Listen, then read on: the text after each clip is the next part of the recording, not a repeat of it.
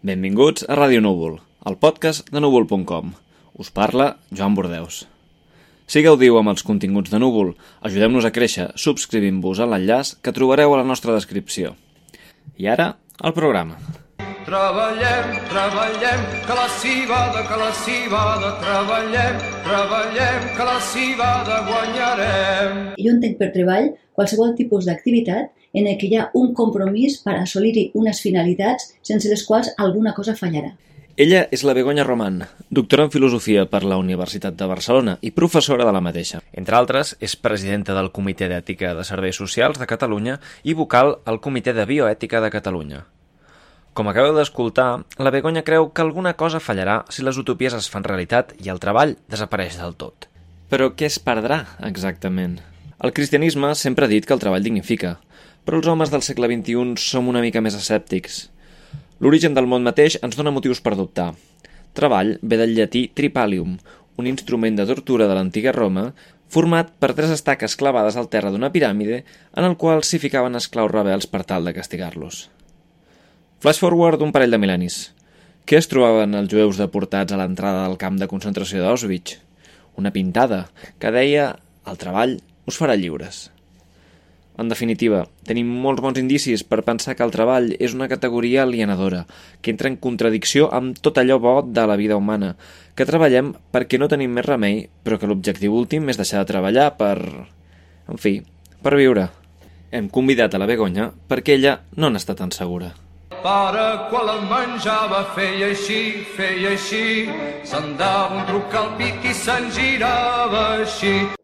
Pot haver-hi voluntariat que fa tasques no remunerades, eh, però que entrarien dintre del concepte de treball. Per què? Perquè hi ha un concepte de compromís. Per això cada vegada més la frontera difosa entre treball remunerat i treball eh, no remunerat i per tant voluntari eh, és, és, està especificant el tipus de treball. Però és treball per què? Perquè hi ha unes finalitats essencials i perquè hi ha un, unes, una, un compromís de desenvolupar-lo. Si tot el treball de cop i volta esdevingués hobbies, tindríem un greu problema de sostenibilitat. Aquestes són algunes tesis interessants que, que alguns filòsofs han, han, han mantingut. No? Una societat utòpica, i és la crítica, per exemple, de, de Hans Jonas a Ernst Bloch, en el principi esperança. Si aconseguim eh, superar el treball perquè tenim una renta universal bàsica o perquè tenim una societat de mitjans de producció mecanitzats i una indústria que permet suplir la mà d'obra, però hem solucionat el tema de la manutenció, doncs seria fantàstic, diu Bloch. I Jonas diu no, no, perquè eh, haurien oblidat alguna sèrie de dimensions importants de compromís, de manutenció de la vida social i mm, no, no sé com ho resoldríem això. Estàs dient que encara que poguéssim deixar de treballar faríem bé de seguir treballant? Feina també pot ser una bendició. En quin sentit? Jo diria que com a mínim en tres sentits. La primera, hi ha agenda. I agenda vol dir agència. És a dir, tu tens un horari. La deixadesa genera depressió. I una de dos, o tu tens una disciplina molt gran, o una disciplina molt gran, que, és, que treballa a casa la, la té, o l'horari de feina marca ritmes saludables que tenen que veure a un temps que surt fora de tu i dones alguna cosa a la societat. Per tant, dona agència i agenda, projecte. Segona, eh, és un lloc social. La feina eh, continua sent un lloc social. Malgrat que tu treballes a casa, és molt important que hi hagi una comunitat virtual i que de tant en tant ens trobem i que sigui a prendre una cervesa, perquè és un lloc social i cada vegada més eh, l'ésser humà necessita aquest reconeixement de la seva, de la seva aportació. Agenda, eh, dimensió social d'intercanvi de, de, d'experiències. De, I tercera, per mi és cabdal eh, que et treu durant un temps de feina, i això el treball és una bendició, et treu de determinades obsecacions, de determinats capficaments, de determinades inèrcies, et treu de tu eh, i has de donar-hi una feina a algú altre. Per tant, desenvolupa una dimensió social que jo crec que això és el que han trencat moltes lectures economicistes eh, neoliberals del món del treball, que només és per al salari. Crec que és ahir quan s'envileix el món del, del treball. No? Relacionat amb això de les lectures economicistes, hi ha un concepte molt important que sé que coneixes i vull que ens expliquis i que ens diguis quina relació té amb la cultura del treball actual. És allò que se'n diu l'homo economicus. Jo crec que el món del treball tal com ara nosaltres l'entenem és clar, claríssimament dependent d'una determinada antropologia, és a dir, eh, individualista liberal, d'una determinada sociologia i d'una determinada noció de racionalitat.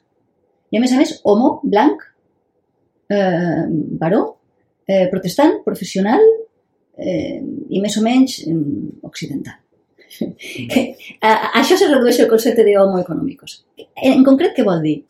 Doncs que és una persona que no necessita res ni ningú, que la feina és un, és un mecanisme de poder, evidentment, per guanyar-se la vida, però també per eh, competir, per guanyar-se millor la vida que els altres, perquè concep la vida com una lluita per la supervivència. No?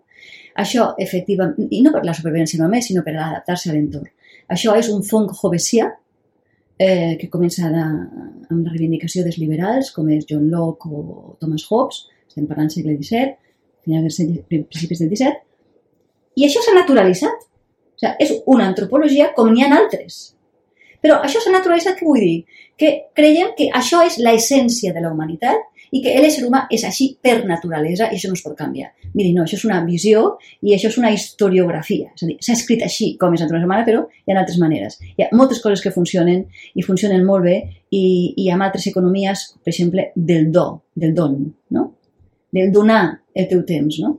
Per tant, L'home econòmicus és aquest ésser fong jovesià que no deu res a ningú i que tot el que fa és per a benefici personal. I si ell no se beneficia personalment, no farà res. I el benefici és fonamentalment satisfacció del seu afany de poder de plaer i, evidentment, els diners són la principal, diguem-ne, moneda de, de, de, de poder. Uh, una, una antropologia. Dos, una sociologia. Només faig relacions amb els altres si hi ha un benefici mutu. És a dir, dono per suposar que estem en igualtat de condicions, que l'altre té les mateixes capacitats que jo i si no arriba on jo és perquè és tonto i si està en, en una penúria o una vulnerabilitat és perquè no treballa suficient. Per tant, és absolutament desconsiderat amb les loteries biològico-socials. Eh, I, a més a més, és una persona que, està, eh, que jo només participaré si es beneficien mútuament. I què passa si tu no te beneficies? Doncs no col·laboraré. Això significa, a més a més, que només pot establir relacions amb l'altre igual de contracte. I, per tant, a cops de denúncia i de juridificació de les relacions. Una antropologia, una determinada sociologia i, per tant, una racionalitat. La racionalitat estratègica e instrumental. És a dir, la raó serveix per a, donades unes finalitats sobre les quals no se qüestionen, eh, si són correctes o incorrectes, quins són els mitjans més adequats. Bueno, això és una determinada lectura de Maquiavel, perquè hi ha una altra bondadosa, eh, i és, per tant, una racionalitat que és només maximitzadora d'interès personal i utilitarista. Aquesta noció de racionalitat també és històrica. Llavors, l'homo economicus condensa això, aquesta antropologia, aquesta sociologia i aquest concepte de raó, i a més a més ho reproduïm magníficament bé, malauradament, en les escoles de negocis. I no només, en les escoles de psicologia, etc etc. De manera que la gent es creu que això és l'essència humana, no? que és la naturalesa humana. Quan en filosofia estem farts de dir que parlem de condició, però de naturalesa humana eh, tot és històric, tot és interpretació, i l'ésser humà precisament és un ésser que contínuament és enigmàtic i que ens, ens, ens sorprèn. Això sí, continuarà tenint alguns invariables, que seran que és un animal lingüístic, i per tant la seva racionalitat necessita de la polis, i dos, que és un animal vulnerable, precari. Uh, si tu fas del món del treball augment de la precarietat, quan el que volíem era precisament eh, pal·liar-la. Si tu quan fam, fas del món del treball un món d'incomunicació i de poder, quan el que volíem era de reconeixement, doncs ahí t'expliques moltes coses del malestar de la cultura del treball. I com hem arribat a aquest malestar de la cultura del treball? Com es caracteritza aquesta sensació de que alguna cosa molt greu està fallant? eh, eh, per a començar, la més important és que, és, és que estan eh, inclosos i és que estan exclosos. Quan un està exclòs el món del treball, tal i com avui s'entén el món del treball, com necessitat per a poder subsistir, és una claríssima forma d'injustícia. Per tant, primer malestar en la cultura de l'actual treball és l'exclusió dels que no poden accedir-hi, eh, malgrat que volen. I, a més a més, el maltracte de que fan, fan sentir-los com que és culpa seva quan hi ha una violència estructural. És a dir, eh, l'atur eh, sistemàtic de persones que a partir de determinada edat ja no podran entrar-hi, o de determinades eh, professions, professions molt valorades, eh, com determinades no sé, ara penso en l'arquitectura, penso en l'enginyeria, o en els mateixos periodistes, no? Eh, un tipus de, de professionals que han fet magnífics esforços per assolir el nivell de qualitat al que han arribat, el seu món s'acaba perquè eh, ets freelance i és una, és un, són aquest tipus d'eufemismes perquè no és ni free ni lance, és te, te, te llancen fora i, i, i te deixen a la intempèrie, però li posem aquestes paraules, eh, eh, la mateixa perversió de la paraula autònom, que des del punt de vista eh, de l'ètica és una paraula preciosa, mm, com a categoria eh, d'assalariat és, és, és, és opressora, perquè fem de la necessitat virtut, no? L'autònom té la seva agenda lliure i tal, i en realitat fa més hores que, que, que un, amb aquelles categories que parlaven abans, no? del negre, o que un xino, no? Eh, per tant, mm, la primera exclusió que fa un malestar en la cultura és l'opressió dels que estan fora. Segona, la humiliació dels que volent estar dintre es fan sentir com que és culpa d'ells que no se'ns posa suficient. Eh, la tercera, per mi, capdalt, és els que estan dintre. Eh, la manca de reconeixement tant econòmica com, com eh, social eh, és aquesta, aquesta absoluta necessitat de pensar eh, els departaments de desenvolupament humà. El nom és important qüestió de coses. Deixem parlar de recursos humans, perquè això és una visió economicista. Eh, anem a parlar de desenvolupament humà i anem a veure com aquesta persona ha de, ha de poder tenir una perspectiva de la obsolescència en la que està incorrent si continua fent aquesta feina i no s'està formant unes altres coses, perquè aquesta és una altra del vertiginós món mm, del treball en el que estem a saber que l'obsolescència de la teva feina és enorme i, per tant, has de contínuament estar pensant bueno, aquest bestseller del quien se ha comido mi queso, no? Estàs treballant aquí, però al mateix temps pensant en mm, on estaré demà perquè aquí no estaré. De manera que no te pots concentrar, no pots estar atent a la feina perquè estàs en una tensió contínua de no t'involucres massa en cap projecte perquè et faran fora. I això això genera un malestar eh, en la cultura i un tipus de relacions. El Sene t'ho va explicar magníficament bé en aquella La corrupció del caràcter, les conseqüències personals del treball en el nou capitalisme. És un llibre del 98, per tant ja té uns quants anys, però ell està fent una lectura de què passa doncs, a aquests països com a aquestes ciutats com a Detroit o coses així, quan una determinada indústria falla, quines, quines conseqüències eh, en el caràcter genera, però no en el caràcter no, només personal, no, en, en, en el tipus de comunitats. Quan una persona està en una feina però sap que no es pot vincular massa a una feina perquè no estaràs molt de temps allà. L'altre dia llegia una notícia interessant. Eh, abans una empresa tenia una mitjana de vida de 65 anys. En els darrers anys és de 15. Eh, aquells que pensen a, a llarg termini arriben a 15, no?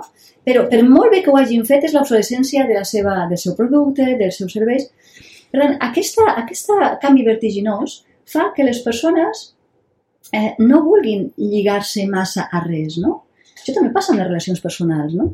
Que, que, que, que eh, no vols fer una opció per, per una excel·lència de, de, de llarg termini perquè tot és molt, molt precari. I això genera també, també moltes reticències a l'hora de lligar-se. Aquest malestar és en què eh, no te vincules massa, no facis gaire els amics a la feina perquè en qualsevol moment te poden trair.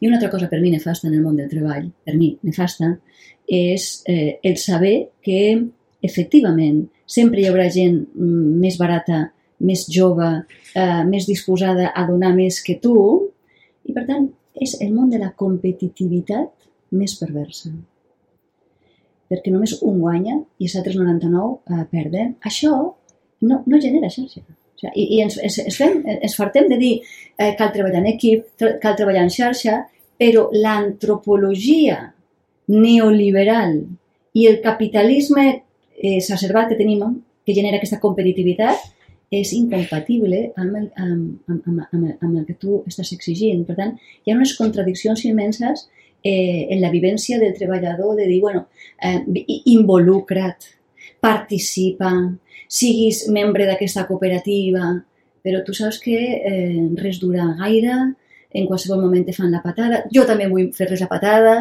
Eh, són, són relacions que ja són massa competitives i massa, jo diria, de poc compromís, no? de sálvese quien pueda. I què té de desitjable el compromís quan precisament la cultura ens ha portat en la direcció contrària? No és el compromís una relíquia del passat? no és el mateix que aquesta idea romàntica de l'autorealització?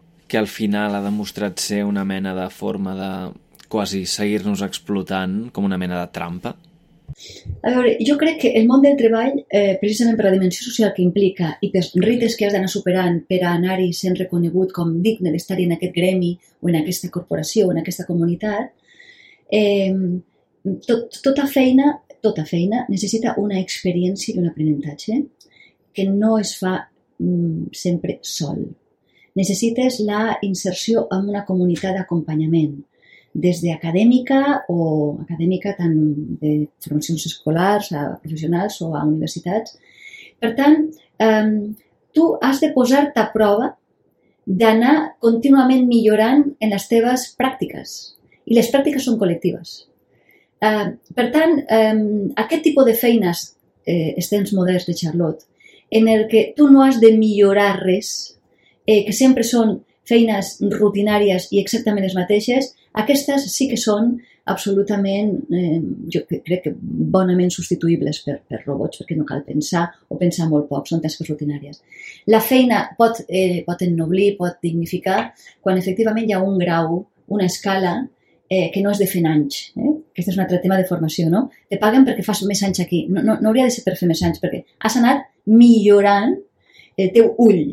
Els metges dirien ull clínic, ull docent, ull clientelar. És a dir, tu has millorat gràcies a la pràctica la, la, la, el teu desenvolupament, però també la teva perícia per a descobrir, per innovar, mmm, com fer determinades coses millor amb un nou estri i tal.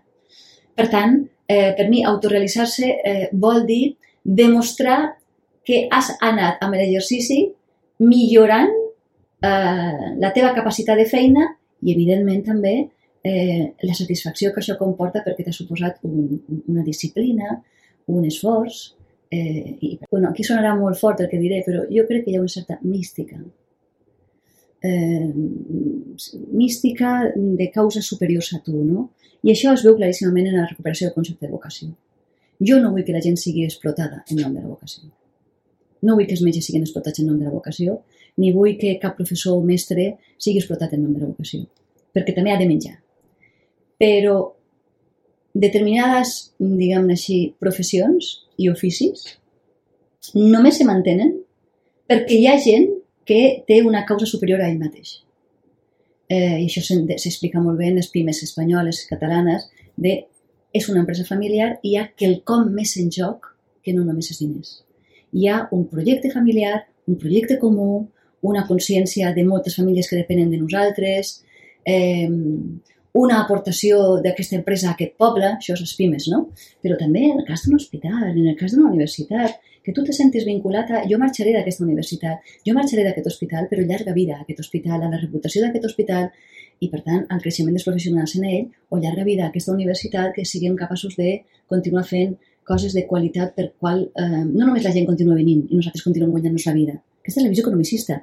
I, important, eh? Sinó, sobretot, que hi hagi gent que cregui que hi ha causes socials institucionals i que, i que si això no es dona i tot és assalariat, es perd una certa qualitat de tracte i una certa qualitat en el tipus de servei que tu dones. Doncs tornem una mica al principi, amb tota aquesta utopia que cada cop sembla més a prop amb l'increment dels poders de la tecnologia, que ens proposa o que ens acosta a un món en el qual treballar no serà necessari.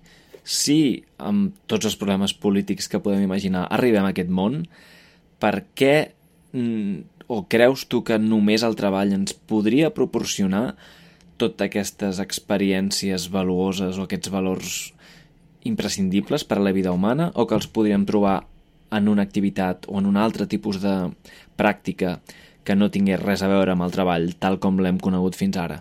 A veure, ens podria. Jo no, jo no vull naturalitzar cap, cap tret humà, no? De que per naturalesa tendeix a l'autorealització. No vull naturalitzar res, ni sensibilitzar res, però una societat que no eh, suplís a alguna categoria diferent eh, al del treball, perquè no serà trepàlium, però que mantindrà com a mínim aquestes dues característiques que jo he remarcat de compromís eh, amb, amb una bona, en la qualitat de les tasques que estàs fent i eh, unes tasques que tenen una claríssima dimensió social, s'hauria d'inventar. Per què? Perquè en el hobby, precisament a mi el que me caracteritza el hobby és que no hi ha cap ni obligatio ni ligatio. És a dir, ni obligació personal, compromís, això que anomenaríem la ètica de la feina, ni una, un altre eh, podent re, reivindicar o, o, o demanant o exigint una, una qualitat del desenvolupament de, de, la teva, de les teves tasques. No? Per tant, les hauríem de crear perquè necessitem, som, som éssers dependents, som éssers que necessitem d'altres i no només de la bona voluntat, sinó també del bon esforç. Eh, I per tant, caldrà, evidentment, tirar molt, tirar molt de, de motivacions. Però quan tu confons el treball amb el hobby, eh, el hobby entra si surts quan vols, no tens cap tipus de compromís amb ningú, i, i si el tens amb tu, si el tens amb tu, eh, tindria una de les dimensions, però faltaria l'altra. De dir, hi ha un altre que t'està exigint. I clar, normalment els treballs per mi mm, importants per al sosteniment de la vida tenen molt a veure, això sí, amb qüestions bàsiques que són molt més vitals que no, entre cometes, serveis. Mm? No, no cal que una persona te netegi la casa, la pots netejar tu. No cal que una persona et porti el cafè, te pots fer tu, però sí que cal que una persona sàpiga operar, perquè jo no em puc operar.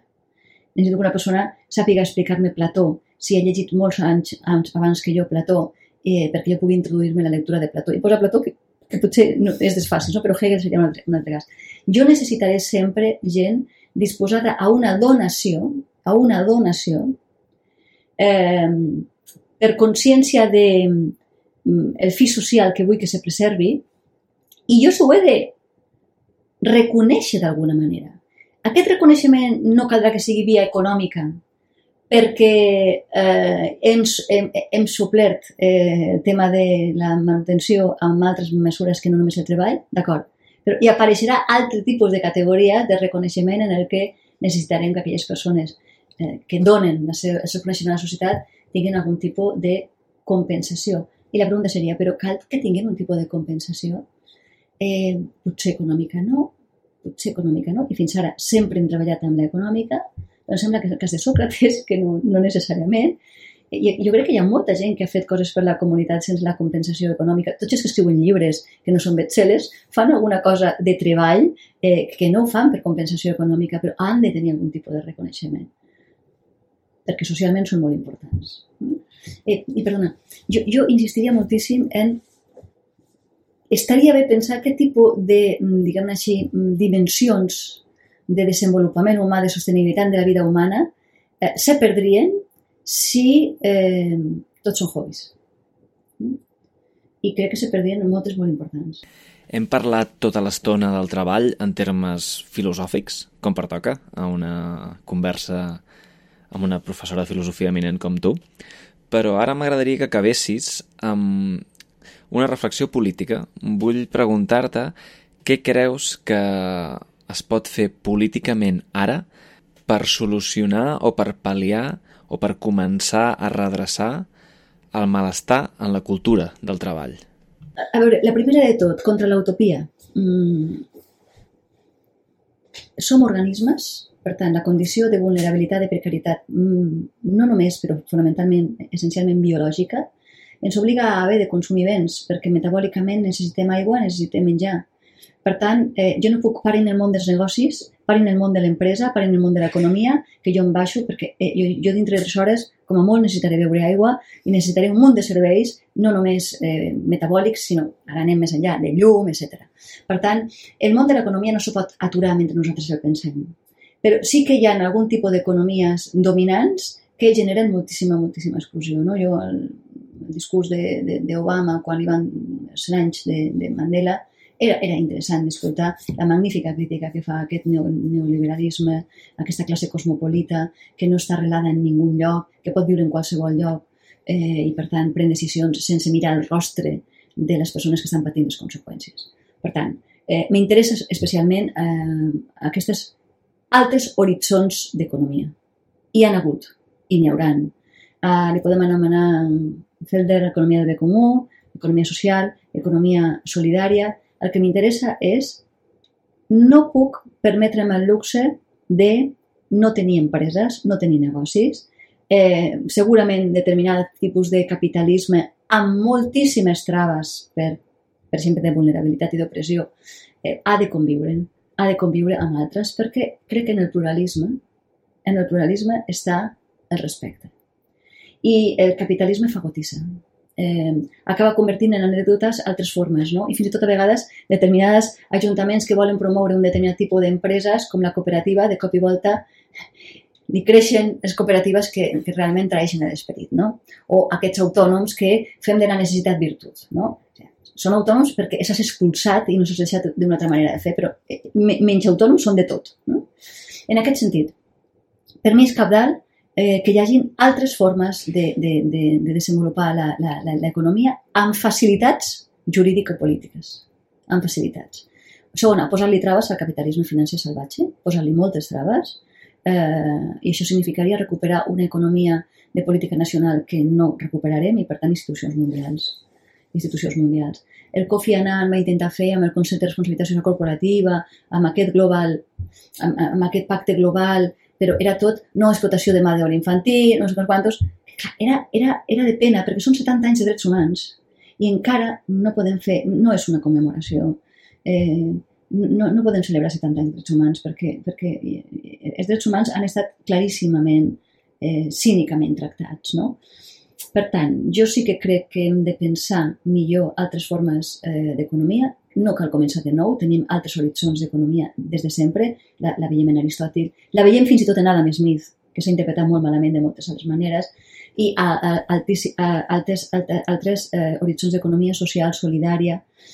Per mi, aquí el tema cabdal és, en el centre no està el negoci, en el centre no està el capital, en el centre està la sostenibilitat de la vida, que és metabòlica i que és social. I per tant, les formes d'accedir-hi als, mitjans de, als mitjans de subsistència és el primer.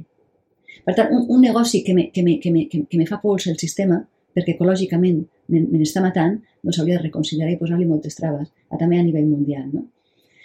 Eh, i, I la sostenibilitat de la vida implica que la gent pugui conciliar no només la vida familiar i feina, no, la vida personal, amb el que tu vulguis fer, eh, la teva, però ha estat un treball que ha monopolitzat, eh, jo diria, ha expropiat, ha expropiat la, la, la, la vida de les persones. Quan viatges a altres països en el que veus la quantitat d'hores que treballen les persones, o no encara hi ha tres països aquí, la quantitat d'hores que, que treballen les persones, eh, ni el diumenge tenen de descans. Aquestes, aquests paisatges que canvien en Europa, deia que quan viatges a altres països i veus que el diumenge no té cap tipus de diferència en el dissabte perquè tot està obert i hi ha molta gent que està treballant, doncs s'ha perdut determinat respirar dels dies, diem-lo amb Josep Maria Esquirol, no? S'ha perdut alguna cosa en l'atmosfera que dius, no, no, ha d'haver-hi algun dia de comunitat. Ha d'haver-hi algun dia en què, en el millor sentit de la paraula, l'agenda quotidiana s'atura. I això és el diumenge, que mínim el diumenge. Quan tot el dia estàs centrat en el món de la feina, eh, s'expropia la vida de les persones. Hem de ser capaços de mm, treballar més eficientment, treballar, mm, jo no sé si menys, però sí més eficientment, i el que no estaria bé és que una única dimensió, l'home unidimensional, eh, fagocités a la resta. Ho ha fet el capitalisme a l'economia, que fagocita, economitza el món de la vida, i en la vida quotidiana és fagotitzada per el món de la feina i les persones només poden fer això. No? Begoña Roman, moltes gràcies. Treballem, treballem, que la cibada, que la cibada, treballem, treballem, que la cibada guanyarem.